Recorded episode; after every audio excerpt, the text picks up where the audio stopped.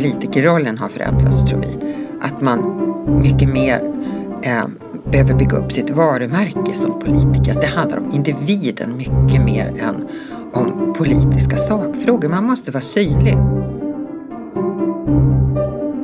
Du lyssnar på Forskarpodden vid Uppsala universitet och det här avsnittet produceras av mig, Gunilla Styr.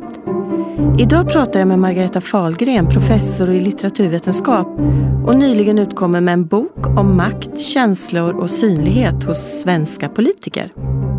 Du har tillsammans med eh, författarpolitikern Birgitta Wistrand skrivit boken Älska eller älskas, makt och känslor i politiska biografier som nyligen utkommit och fått stor medial uppmärksamhet. Vad är det som ni har gjort egentligen? Vi har läst en mängd självbiografier och biografier av och om politiker. Och vi började det här projektet för vi såg att det hade kommit ut rätt många sådana här böcker och att det verkade öka utgivningarna. Och, och då frågade vi oss vadan detta intresse för det måste ju finnas politiker som vill skriva och det måste finnas läsare och uppenbarligen verkar det finnas det. Så att det kommer väldigt många sådana här böcker och det kommer också av politiker som befinner sig mitt i den politiska karriären. Och om man tittar bakåt så var det så förut så skrev politiker i slutet av sitt liv. Då hade man lämnat politiken som Ernst Wigforss som gav ut tre böcker i början på 1950-talet där han varit finansminister i 30 år eller något sånt. Och, och då summerade man livet. Nu är det någonting annat. Nu skriver man kanske flera böcker. Som Mona Sahlin som skrev en bok 96 med mina ord efter Toblerone-skandalen som den kallades. Och 2010 kom hon med Möjligheternas land och då var utgångspunkten en helt annan för då såg hon framför sig att hon möjligen skulle bli Sveriges första kvinnliga statsminister. Men vad beror det på då, att man skriver fler böcker mitt i livet? Det beror på att politikerrollen har förändrats tror vi. Att man mycket mer eh, behöver bygga upp sitt varumärke som politiker. Att det handlar om individen mycket mer än om politiska sakfrågor. Man måste vara synlig. Och då blir det väldigt lägligt och som Annie Lööf gjorde att ge ut en bok inför valet. Då har hon eh, talat om vem hon är och läsarna mm. eh, tror att de känner henne. För det är också så både med de här böckerna och med sociala medier så uppstår det någon slags halvintimitet på distans. Att man tror sig känna politikern. Mm. Och det är väldigt viktigt idag uppenbarligen att man ska, mm. man ska liksom ha någon slags relation till politikern. Och vår bok kom ju också eh, just vid valet och, och också när, när politik diskuteras. Och, och sen kom som sagt Anna Kinberg Batra med sin bok Inifrån och då fick vi lite uppmärksamhet genom att den utgavs. Vi sätter ju känslor i fokus, att vi menar att det här är partsinlagor förklädda till historieskrivning, att det handlar väldigt mycket om känslor, även om de politiker som skriver ofta vill göra det utifrån att tala om att jag hade rätt. Att jag ska mm. beskriva ett mm. skeende och hur det var och vilka problem som uppstod och jag handlade korrekt och jag var den som egentligen förstod vad allting handlade om. Men sen om man läser den utifrån det här med att se politiken som en känslogemenskap dominerad av män så kan man då också se att det man minns är ofta det som har gjort störst känslomässiga avtryck. Och då mm. kan man se att man tittar på men vad skriver de om och varför väljer man att skriva om just den här händelsen eller den här personen eller varför skriver man inte om en person som Göran Persson som, som har en bild av Per Nuder som han jobbade jättetätt med. Och där står det bara att vi, vi arbetade väl tillsammans. Medan Per Nuder skriver sida upp och sida ner om sin relation till Göran mm. Persson. De har helt olika uppfattning. Ja, eller ja. helt olika position. Att ja. Per Nuder var den som fick tillträde till makten genom eh, de mm. uppdrag han fick och den nära relationen till Persson. Medan Persson ser väl Nuder som en medarbetare bland många som han hade under sin tid vid makten. Mm. Så det, det beror på vad man, mm. vad, vilken position man har haft. Hur många böcker har ni läst? jag har fått frågan om det. ja, jag tror kanske ett 100-150-tal. Alltså, vi har ju läst brett, vi har ju läst internationella mm. eh, författare också. Även om vi har begränsat oss till, till svenska politiker så har vi ju läst väldigt många. Och i flera fall så, så jämför vi framställningar av samma skeende eller personer. Och så får man, får man liksom fram olika aspekter genom att också eh, jämföra och läsa olika böcker. För det är ju lite spännande hur man gör. Mm. När man liksom, den här mm. strukturen och hitta mm. mm. ett sätt och ni läser tillsammans, ni motläser. Vad menas med det egentligen? Man, man pratar eh, eh, ibland i litteraturvetenskap om välvilliga eller kritiska läsningar eller läsningar som liksom läser på tvärs av texten och vi kanske inte alltid har varit så välvilliga i våra läsningar utan vi har, då? vi har mera sett på vad, som sagt, vad väljer man att inte skriva om, vad tar det upp mm. och, och hur tar det upp det? Och då kan det vara intressant att vissa politiker verkar som Alf Svensson och Ian Wachtmeister som skriver om sina politiska liv och som var väldigt då också nära i en politisk gemenskap, nära vänner. De skriver inte alls om kvinnor. Det finns Nej. inga kvinnor i deras framställningar. Och på bilderna är det bara män. De trivs bäst i den manliga gemenskapen och det kan man då se. Vi använder ju också genusperspektiv både, både eh, när vi läser kvinnors och mäns eh, berättelser. Och tittar på maktstrukturer och hur placeras kvinnor och män i maktstrukturer. Är det här ett medvetet sätt att bara att begränsa? För kvinnor måste ju ha funnits med liksom i deras verklighet. Ja men de såg dem väl inte? Alltså, det är att man, man ser sin mamma och man skildrar sin gamla lärare Rut i folkskolan och så nämner man som Alf Svensson jag bara liksom i förbegående Inger Davidsson som var en viktig KD-politiker. Men det är inte som man, man, man kan inte se. Alltså det är mm. nog så, inte att man att man inte skulle säga att man var, var för jämställdhet eller så, eller emot jämställdhet, men, men, men det är som att det är den manliga världen som räknas. Och det här ser man ju om man då mm. faktiskt undersöker hur skriver de om kvinnor mm. och kollegor mm. och vilka kvinnor kommer med. Det var något exempel om, om Reinfeldt att han eh, kände sig också så ensam att han inte nämnde i princip någon utav kollegorna i, i sitt. Så uppfattar jag i alla fall det. Och det är lite konstigt för att det finns ju en biografi eh, om honom och eh, där talar han ganska öppenhjärtigt om hur hemskt det var att avskeda Ulrika Schenström. Mm. Och att det, det var svårt, det var bland de svåraste besluten han fick fatta. Men sen när det kommer till hans egen framställning då finns inte medarbetarna. Utan det är som att han gjorde allt själv. Ja. Och det finns, det är inte så ovanligt. Man vill liksom visa hur viktig jag var. Ja. Och sen kan man då glömma bort att skriva om att i hans fall då att han hjälptes fram väldigt mycket till maktpositioner mm. av andra män. Mm. Men det är som att då är man i sin egen bubbla. Mm. Ja, men, men om man skriver, är det skillnad på om man skriver mitt i sin, sin liksom karriär då? Att man kan vara lite mera eh, ge lite mera när man skriver om man har blivit tvingad att lämna politiken eller har lämnat den av andra skäl så är det ofta att det blir en slags försvarsskrift. Mm. Alltså då blir det mer att visa mm. hur duktig man var eller hur rätt man hade. Per Nuder är ett exempel på det. Jag kan tänka att Anna Kinberg Batra som jag inte har läst blir ju också en sån typ av partsinlaga. Mm. mm. Där man faktiskt vill beskriva hur eh, om man blev illa behandlad eller, eller att man faktiskt hade rätt. Jag kommer ihåg något ställe där med Mona Salin också som är ganska omskriven i boken att hon eh, kände sig väldigt ensam. Hon fick mm. ta de svåra frågorna och, och sprida utåt. Mm. Eh, trots att hon var ju hon var ju en ganska populär politiker under många år i alla fall. Mm. Men det var väl därför hon skickades fram. Hon var ju verkligen en av dem som både älskade och älskades av partiet mm. när hon var en yngre politiker. Och det är intressant om man jämför hur hon beskriver sin relation till Ingvar Carlsson som var statsminister. Så har hon en bild av Ingvar Carlsson och under den står det att så här fungerade vi.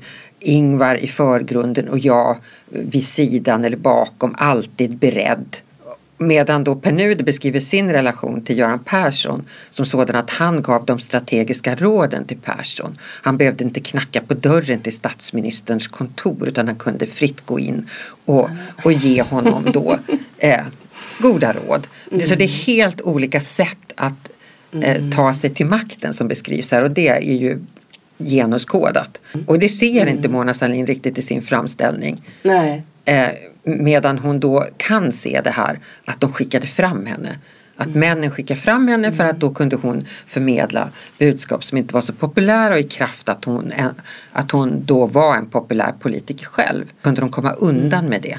Men det där kände hon, där, där beskriver hon att hon kände sig ensam. Var man ganska ensam som kvinna, mer ensam än, än som manlig politiker? Det tror jag att vi, vi, vi skriver ju om kvinnliga pionjärer i politiken.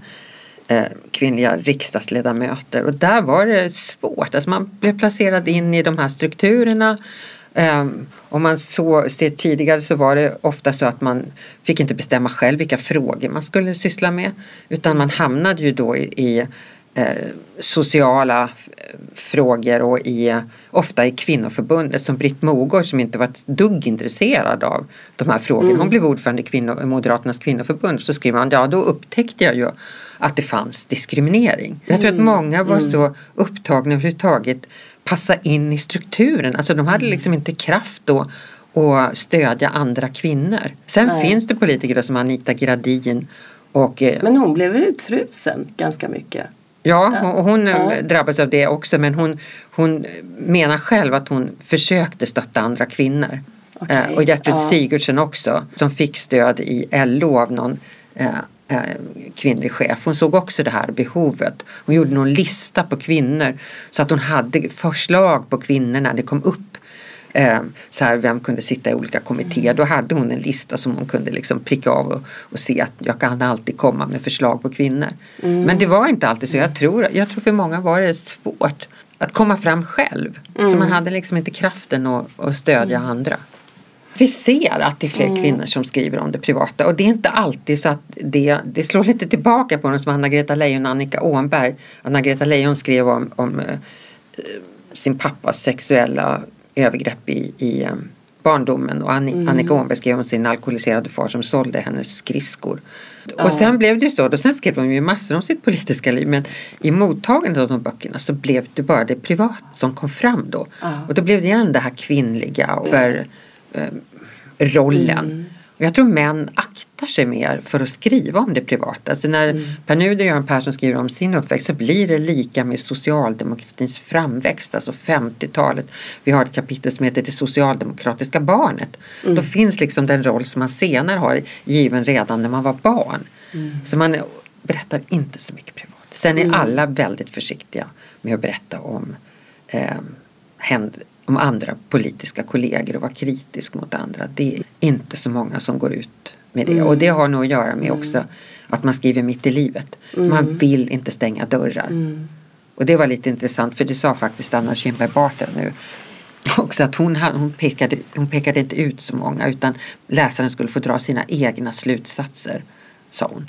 Okay. Och jag är inte så säker på att det är hänsyn till läsaren Nej. som styr den utan faktiskt att det är hänsyn till henne. ja, lite vad man vill ja. som sagt inte bränna broar. Ja. Om folk väntar sig saftiga avslöjanden. Thomas Bodström skrev en bok som heter Inifrån makten, myglet och politiken. Och det kan ju ge väldiga förväntningar. Ja, det var inte så mycket. Nej, det var inte så Nej. mycket. Och det där är lite synd för att man kan tänka att att det finns en så stor försiktighet och det kan man nog märka inte bara i, i de böcker vi har läst utan även i den politiska debatten. En rädsla mm. för att, att säga någonting som kan ge oönskade reaktioner mm. eller skapa debatt. Så det skapar en så stor mm. försiktighet där man ser journalister ställa samma fråga om och om igen och så får de samma svar. Din kollega, författarkollega där, Birgitta Wistrand, hon har ju jobbat inom politiken mm. i tre mandatperioder mm. för Moderaterna. Men ser hon, såg hon andra saker som du inte såg i de här böckerna? För att hon befann sig lite grann i den verkligheten?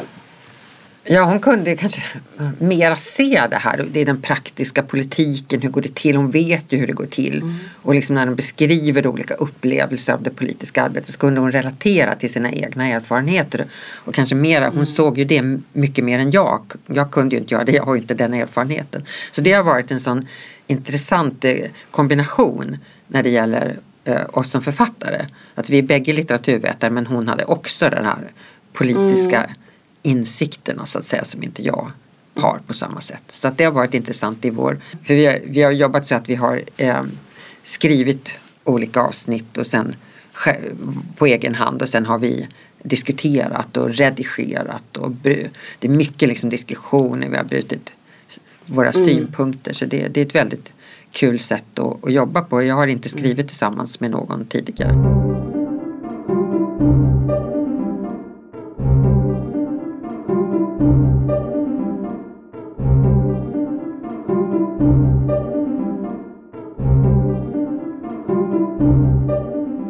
Men du, förutom forskarlitteraturvetenskap så är du också genusforskare. Mm. Fram. Men, men, och du var föreståndare för Centrum för genusvetenskap mellan 2003 och 2011. Och det utsågs av Vetenskapsrådet till Center of Gender of Excellence. Och då var det eh, syftet att skapa en internationell, ett utav eh, forskningsprogrammet, femårigt mm. forskningsprogram, att skapa en framstående forskningsmiljö. Eh, och det har ju gått, verkar ju ha gått väldigt bra eftersom det blev den här utnämningen. Men vad var den största utmaningen med det projektet? Det var att skapa de här mötesplatserna. Vi hade ju ett, eh, fick ett projekt um, om Gender, Nature, Culture and Transgressive Encounters hette det. Mm. Och det var ju överskridande möten, alltså att skapa mm. möten. Och man eh, såg då, det är väl fortfarande delvis så nu, så är det ju humaniora och samhällsvetenskap där genusforskning har varit haft med störst genomslag. Och vi såg det som så att vi var ett centrum för hela universitetet så vi ville, ville skapa de här mötena mellan forskare från humaniora, samhällsvetenskap, medicin teknik och natur. Så vi började i en liten skala bara med att ha seminarier ja, med biologer och, mm. och med naturvetare mm. och frågade vad genus kunde vara för dem. Mm. Och um, det var rätt intressanta seminarier och ibland rätt livaktig diskussion för det kring hette ju Centrum för kvinnoforskning va, först? Eller var det inte Ja, det gjordes ja. om till Centrum för ja. genusvetenskap 2003. Ja. Och det hade varit ganska mycket konflikter på Centrum för kvinnoforskning. Och då eh, så kom jag in där. Och då var du skulle reda upp det hela. och då var vi typ åtta personer. Och idag är ju Centrum för genusvetenskap en ganska stor, du, stort centrum slag, av, av olika av slag. Ja, vi har fått till det där. Alltså det som hände och sen började mm. vi jobba då genom att vi fick pengar från Vetenskapsrådet med olika teman. Mm. Eh, människa, djur, eh, fysik, mm. naturvetenskapens didaktik, eh, frågan om kropp kropp och genus och kroppar och kroppslighet. Det var ett tema. Så här jobbade ju då väldigt i, i stort sett ganska unga forskare. Mm. Så det var en, en, och är en väldigt rolig miljö därför det kommer in mycket olika forskare och, och eh, möts och det är dynamiskt och man skapar ju ny kunskap. Det vi gjorde var ju liksom att i mötet kunna utvinna ny kunskap om olika frågor. Och det här är väldigt spännande. Men jag säger också det som nu jobbar tvärvetenskapligt med mediciner att det måste ta tid. Mm. Att vi har olika perspektiv, vi kommer från olika håll och olika traditioner och sen måste man ge det den tiden. Att, att diskutera och att, att samlas kring olika frågor och, och använda varandras kunskap.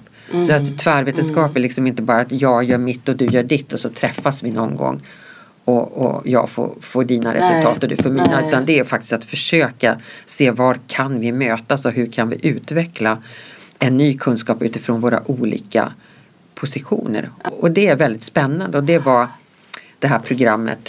Det gjorde vi och det, det fortsätter att utvecklas. Eh, så vi hade också ganska prestigelösa seminarier där man kunde lägga fram en idé eller bara några sidor och så få hjälp med det. Att mm. diskutera hur går jag mm. vidare, jag har det här och det, det Mm. Sådana seminarier finns fortfarande på Centrum och det tycker jag är väldigt viktigt det här med att det blir ett prestigelöst seminarium. Och det tror jag också hjälpte till när jag var där att det var yngre forskare mm. som också var villiga att se saker och ting på nytt sätt. Mm. Alltså det är en av de roligaste sakerna jag har gjort att bygga upp Centrum för genusvetenskap. Från nästan ah. ingenting till att det fortsatt där även när pengarna, de här mm. pengarna från VE tog slut så har ju skapades det en forskarmiljö och det, vi, Centrum fick en professor och nu är de tre professorer mm. Och det är en miljö som folk söker sig till. Mm. Alltså det finns flera mm. forskare som kommer dit, förlägger sina projekt där, kommer med egna pengar för de vill vara i den miljön. Men det här med, med genus, eller genus, det idag är, är det, uppfattar du som att det är lite kontroversiellt fortfarande? Nej men det finns ju fortfarande kvar. Mm. Alltså att det utmanar mm. och, och det som kan irritera mig det är att skribenter eh, i dagspressen ger sig på genusvetenskap utan att egentligen kunna så mycket. Utan det är som att man kan uttala sig om genusvetenskap, om vad det är, mm. utan att man överhuvudtaget egentligen är insatt i ämnet. Mm. Och då blir det en väldigt ytlig kritik, men den kan vara slående och den har uppenbarligen den mottas väl. Jag kommer att tänka på Ebba Busch Thor mm. som förde fram det här med genusflum i förskolan. Som var en otroligt ytlig och konstig kritik mm. av eh, förskolan mm. och inte så, så vitt jag kan förstå överhuvudtaget speglar verkligheten i förskolan. Men det fanns ett genomslag för det. Så genus är fortfarande laddat. Eh, kan man säga att i litteraturen man får någon slags katalysator över den samtid som man lever i? Att man kan utläsa det genom att läsa mycket böcker? Ja, det tror jag. Alltså, och det kanske inte minst är i, den, i populärlitteraturen. Då. När, jag, mm. när jag tittade på de här äh, böckerna från 80-talet så, så, gick de ju lite hand i hand med den här kvinnor kan-rörelsen. Ja, och att det här var liksom ja. väldigt starka och framgångsrika kvinnor i de här böckerna som tog för sig. Och äh, som inte mm. skämdes för det. Mm. Sen är det ju intressant hur, hur ähm, utskällda de här böckerna var. Ja. Författaren till Lace, Charlie Conran, eh, hon kom ju, fick inte vara med på Bokmässan i Göteborg på, någon gång på 80-talet. Fick inte? Nej, hon skulle inte få komma dit. Det var för, det var för dåliga böcker. Ah. Och, så, och, och, sen så ah. kom hon ändå tror jag det var och sen hade de en diskussion om hennes böcker där hon inte fick vara med. Så det var väldigt provocerande med de böckerna. Och att man kallade också, de fick ju epitetet tantsnusk. Ja, och det säger ju också någonting. Att det kvinnor läser, det var tantsnusk. Så jag vet inte, jag tycker ibland att kvinnor, populärlitterära författare, råkar mer illa ut. Alltså det är legio att kritisera Camilla Läckberg. Men man kritiserar kanske inte på samma sätt manliga deckarförfattare. Och hon är framgångsrik. Ja. Det är fortfarande ja. svårt att ja. vara en framgångsrik synlig kvinna. Ja. Är du manlig framgångsrik populärförfattare så får du inte riktigt samma kritik skulle jag säga. Hur är det idag då om man tittar på litteraturen som kommer ut idag? Vad säger den om oss? Ja, alltså jag är lite bekymrad för att jag tycker det finns eh, litteratur om kvinnor som jag inte riktigt förstår varför man tycker är så intressant. Jag tycker till exempel att Lena Anderssons egenmäktigt förfarande är en mycket underlig skildring av en kvinna som totalt blir besatt av en man mm. till den grad att hon ståkar honom. Mm. Eller vi har Agnes Lidbergs... Ja. Äh, ja, ja. ja att ja. finna sig. Så det här att kvinnan definieras av ja. männen i sina roller ja. då som hustru Men är inte det, jag läste den som en slags kritik Ja, fast jag ser inte fast riktigt den, den kritiken. Inte, den mottogs inte så. Nej. Utan det är som att vi tar om den här diskussionen igen. Om, om kvinnor som känslovarelser och som knutna till hemmet och hemmafruidealen mm. i bloggar. Och, eh, jag ser det där och, och mm. diskussioner i pressen om kan man både vara feminist och, och egentligen eh, tycka om att vara kvinnlig.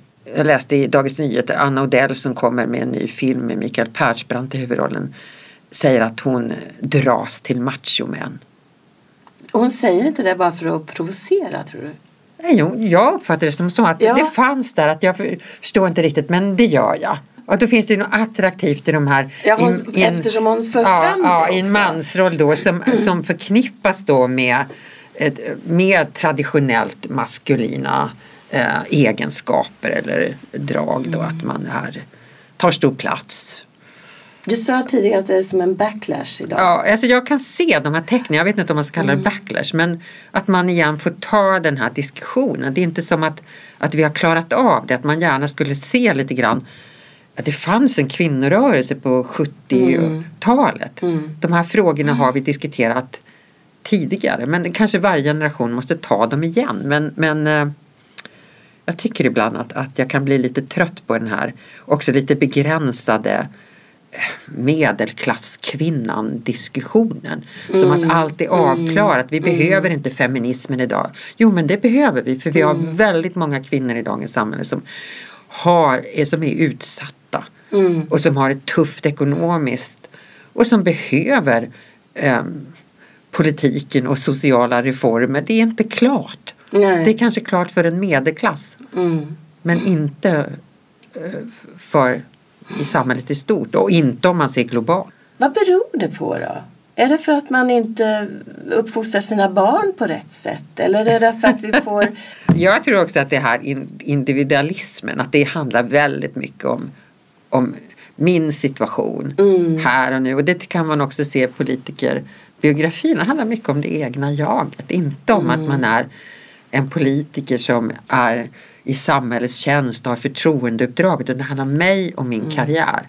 Och jag tror att den här fokuset på det egna och på, på, på det egna jaget gör då att man inte ser alltså man, bristen på att se det gemensamma, bristen på att se sammanhang.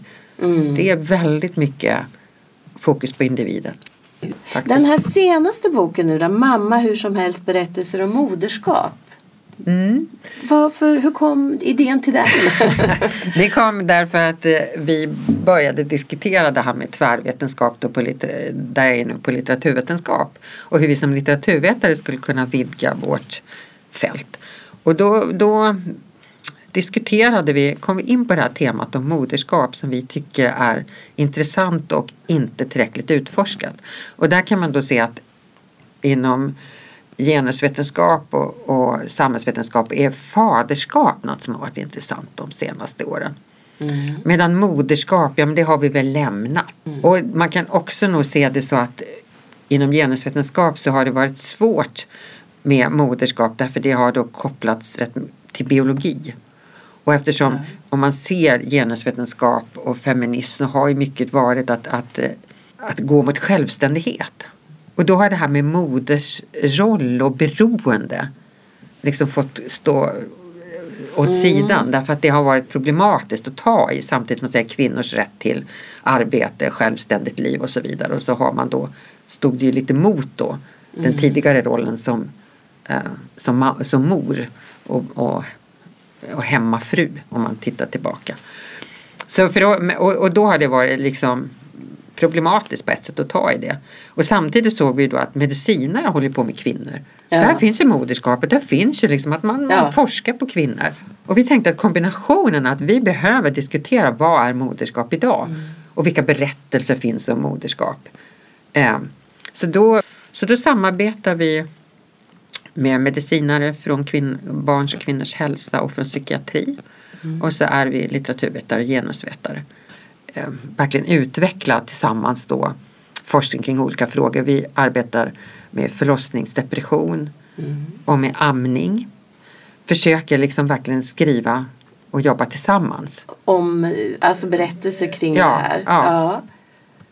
Så att eh, när det gäller amning så har det gjorts en artikel eh, med en genusvetare och medicinare där man har intervjuat kvinnor om deras föreställningar kring amning eh, i slutet av graviditeten och hur de ser på amning, deras egen syn och hur de uppfattar att samhället ser på det.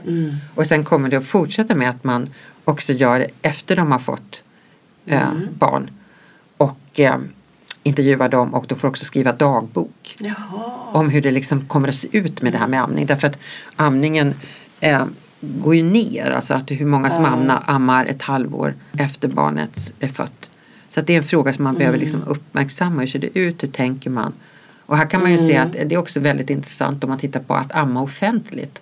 Om man går tillbaka 20-25 år var inte det ett problem. Nej. Idag tycks det som, och det kommer man också att ta upp, att, kropp, att kvinnokroppen sexualiseras. Mer. Att det här mellan det Ja. lakterande bröstet och det sexuella bröstet har liksom blivit en fråga idag som den faktiskt inte var för- för 20-30 år sedan. Nej.